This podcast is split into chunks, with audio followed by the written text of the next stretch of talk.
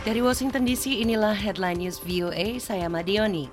Presiden Amerika Donald Trump hari Senin mengumumkan Departemen Keamanan Dalam Negeri dan Departemen Kehakiman meluncurkan penyelidikan atas kerusuhan sipil sayap kiri di kota-kota yang dikelola Partai Demokrat. Under my administration, federal law enforcement is working with state and local authorities all over the country to comb through hours of video, track down rioters, looters, and arsonists, and bring them to justice. We've just come up with a report that we've arrested uh, a large number of people.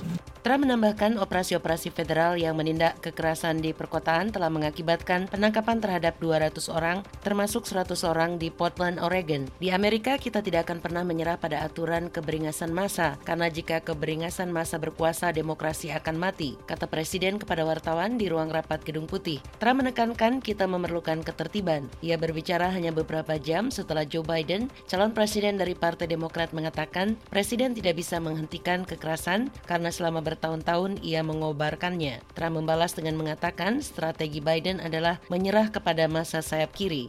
Ratusan aktivis hak hewan hari Senin berunjuk rasa menuju istana presiden di Argentina untuk memprotes rencana membangun peternakan babi besar-besaran untuk pangsa pasar Tiongkok. Para pengunjuk rasa, banyak yang memakai topeng babi, mengatakan rencana itu akan mengarah pada pembantaian jutaan hewan. Mereka mengklaim peternakan massal dalam skala seperti itu bisa menyebabkan masalah lingkungan dan kesehatan. Argentina pada bulan Juli mengatakan pihaknya sedang dalam pembicaraan dengan Tiongkok untuk menyediakan 900 ribu ton daging babi dalam empat tahun. Setelah mendapat serangkaian protes, pemerintah Argentina mengatakan akan menunda kesepakatan itu hingga November.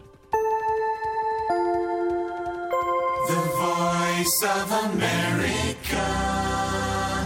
Dirjen Organisasi Kesehatan Dunia WHO, Dr. Tedros Adhanom Ghebreyesus mengatakan, WHO mendukung penuh upaya untuk membuka kembali ekonomi dan masyarakat, namun ingin dilakukan dengan aman. WHO fully supports efforts to reopen economies and societies.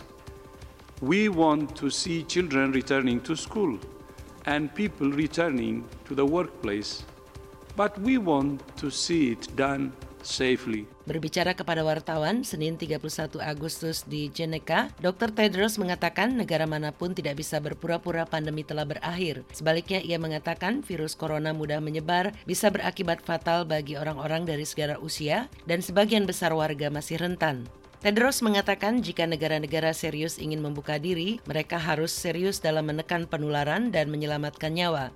Penjual buku dan penerbit Hong Kong yang sejak lama dikenal sebagai pendukung kebebasan berekspresi di wilayah Tiongkok kini mendapat ancaman yang lebih besar menyusul Undang-Undang Keamanan Nasional baru yang diberlakukan pada bulan Juli. Sekarang, penjual buku bisa terancam melanggar undang-undang yang menerapkan hukuman ketat untuk pelanggaran yang tidak jelas seperti pemisahan negara dan menumbangkan kekuasaan negara. Hillway Press, penerbit independen di Hong Kong, sebagian besar menerbitkan novel dan buku teks online. Setelah gerakan anti-amandemen Undang-Undang Ekstradisi tahun lalu, Hillway Hillway Press mulai menerbitkan buku tentang masalah sosial. Penerbit tersebut mengatakan pihak berwenang sedang mencari alasan untuk menghukum seseorang secara terbuka sebagai contoh bagi yang lainnya. Percetakan telah menerima informasi bahwa politisi mencari penerbit buku politik untuk menekan dan menakut-nakuti warga, kata seorang eksekutif Hillway Press yang tidak mau disebutkan namanya dan dijuluki Mr. C. Ia mengatakan dampak mengerikan telah muncul jauh sebelum penerapan Undang-Undang Keamanan Nasional itu. Publikasi terbaru perusahaan itu, To Freedom, yang memuat artikel tentang gerakan anti-amandemen Undang-Undang Ekstradisi ditolak oleh enam percetakan. Hillway Press harus mencetak buku itu dan menjilidnya di perusahaan lain agar bisa diterbitkan. Kanada hari Senin secara prinsip telah mencapai kesepakatan dengan Novavax Incorporation dan Johnson Johnson untuk jutaan dosis vaksin percobaan virus corona perusahaan itu, kata Perdana Menteri Justin Trudeau. Kedua perjanjian Kanada itu menyusul kesepakatan terpisah dengan Pfizer Incorporation dan Moderna Incorporation yang telah diumumkan beberapa minggu lalu dan merupakan contoh terbaru dari negara-negara yang bergegas mendapatkan akses vaksin. Kanada juga dalam tahap akhir negosiasi untuk mengamankan vaksin potensial AstraZeneca dan sedang dalam pembicaraan untuk mengamankan lebih banyak dosis dari calon vaksin Pfizer, kata Menteri Pengadaan Anita Anan. Sekian headline news VOA Washington, saya Madioni.